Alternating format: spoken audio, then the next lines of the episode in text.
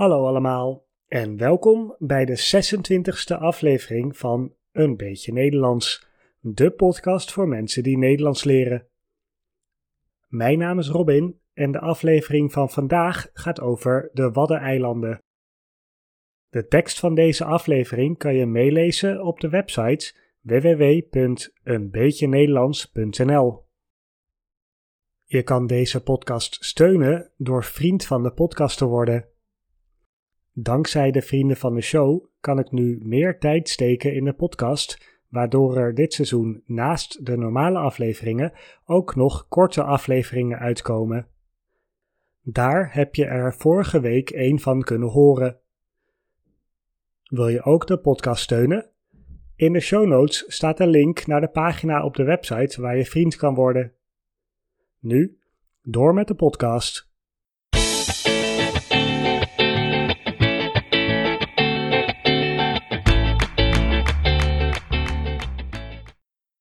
Lijkt het jou leuk om te wandelen over de bodem van de zee? In Nederland kan dat. Ik zou wel adviseren om goede rubber laarzen aan te trekken, want op sneakers kom je niet ver. Hoe zit dat? Dat ga ik vandaag vertellen. Als je naar de kaart van Nederland kijkt, zie je in het noorden een rij eilanden liggen. Dat zijn de Waddeneilanden. Deze eilanden zijn onderdeel van een grote groep eilanden die loopt van Nederland langs Duitsland tot Denemarken. In totaal hebben deze eilanden een oppervlakte van meer dan 1000 vierkante kilometer en wonen er meer dan 80.000 mensen. Vandaag ga ik het hebben over de Nederlandse Waddeneilanden. Ik zal los wat over ieder Nederlands eiland vertellen, maar eerst iets over het gebied waar de eilanden in liggen. Tussen het vasteland van Nederland en de Nederlandse Waddeneilanden ligt een zee die de Waddenzee heet. Wat is eigenlijk een wad, waar de Waddeneilanden en de Waddenzee naar vernoemd zijn? Een wad is een oud woord voor een gebied dat bestaat uit een ondiepe zee. Het stijgen en dalen van de zee noemen we in het Nederlands eb en vloed. Het is eb wanneer het laagwater is, vloed bij hoogwater. In het Waddengebied staat bij eb het water zo laag dat het land droog ligt. En dan kan je er overheen lopen. Dat noemen we wadlopen. Dat is op verschillende plekken in de Waddenzee het geval. Bij laagwater is het op sommige plekken mogelijk om van het ene eiland naar het andere eiland te lopen, over de bodem van de zee. Of zelfs van een eiland naar het vasteland en terug. Zodra het weer vloed wordt, staat het hele gebied weer onder water. Dus je moet wel zorgen dat je op tijd weer weg bent, anders heb je een probleem omdat het gevaarlijk kan zijn voor onervaren watlopers, doe je het watlopen eigenlijk altijd met een gids. Die vertelt je ook meer over wat je allemaal kan zien en vinden op het wat. Als je gaat watlopen, kan je maar beter goede laarzen aantrekken, want de bodem waar je bij het watlopen overheen loopt, is dus de zeebodem. Die bestaat uit modder, dat noemen we slik. Hier en daar liggen zandbanken, dat zijn een soort eilandjes van zand tussen het slik. Als het weer hoog water is, verdwijnen die eilanden weer onder het water. Je kan bij het watlopen ook plekken tegenkomen waar mosselen groeien. Mosselen zijn kleine dieren die groeien in een schelp, net zoals een oester. Mosselen groeien in grote groepen dicht op elkaar dat noem je een mosselbank. Mosselen zijn niet de enige dieren die leven in de Waddenzee. Het is namelijk een bijzonder natuurgebied. Het is zelfs zo bijzonder dat de Waddenzee op de UNESCO Werelderfgoedlijst staat. Dat komt omdat het gebied door het droogvallen bij laag water uniek is in de wereld. Als je goed kijkt, kan je veel leven vinden in het Waddengebied, zowel klein als groot. Op de bodem van de zee leven bijvoorbeeld wormen, krabben en garnalen. In de Noordzee wordt er ook veel gevist naar garnalen. Dit soort diertjes worden veel gegeten door vogels en vissen. Je kan een enorme hoeveelheid verschillende vogels en vissen vinden in het Waddengebied. Voor veel vissen is het Waddengebied een belangrijk gebied voor de voortplanting.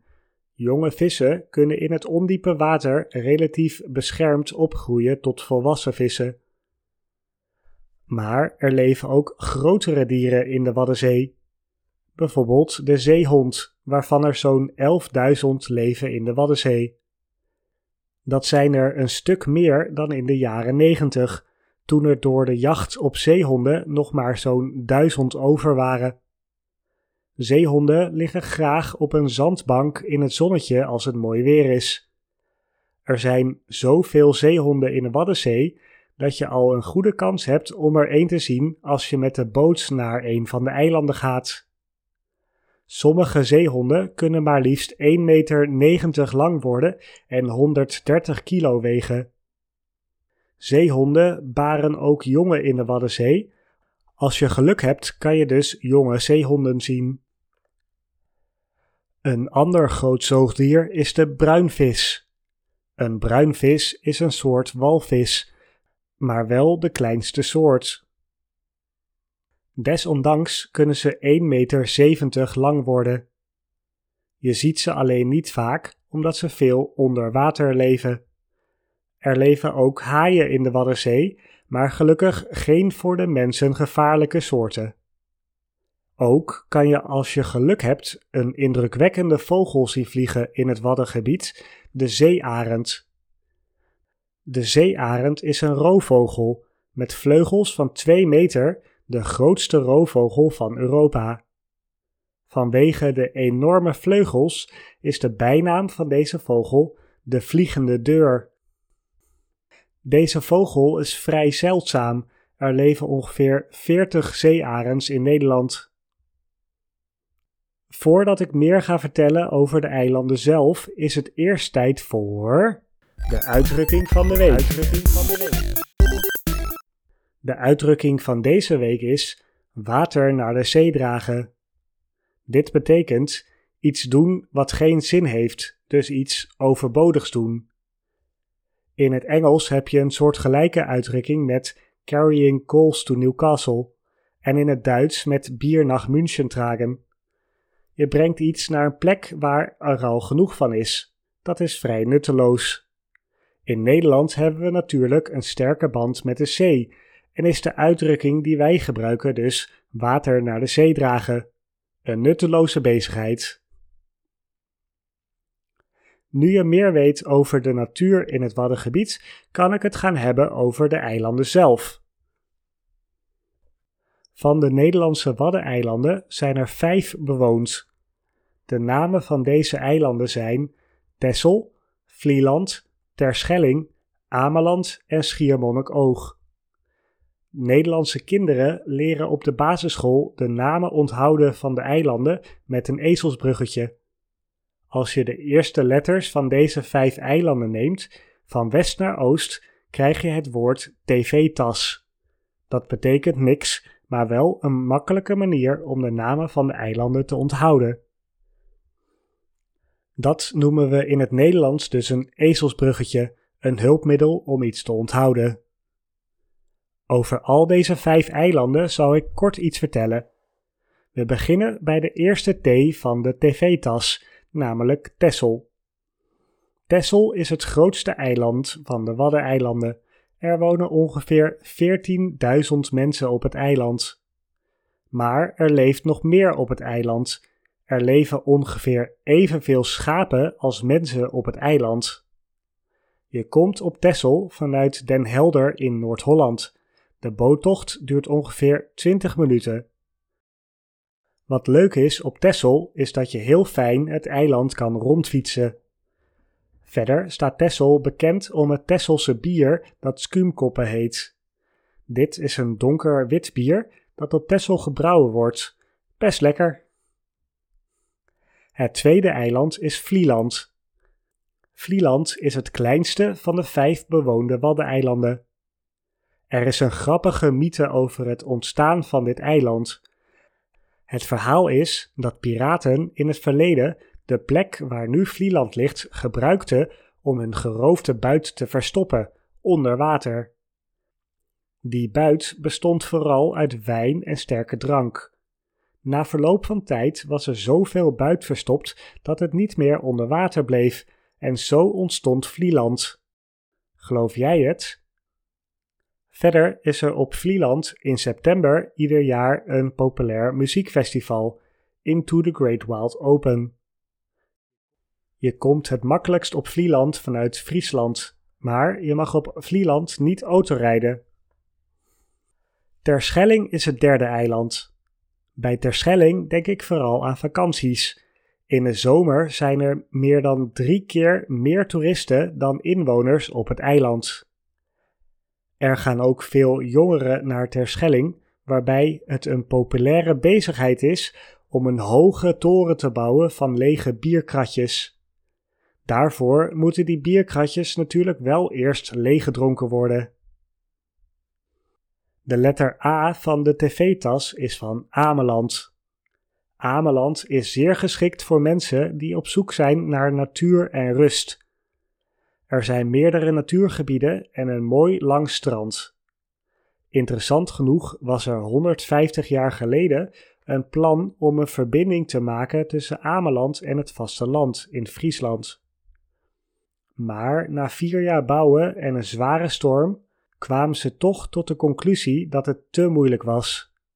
De dam die ze probeerden te bouwen werd steeds vernield door de zee. Een overblijfsel van de dam kan je nu nog steeds zien als je gaat watlopen bij Ameland. Ten slotte het laatste eiland van de vijf, Schiermonnikoog. De naam van dit eiland is interessant. Schier is een oud-Nederlands woord voor de kleur grijs.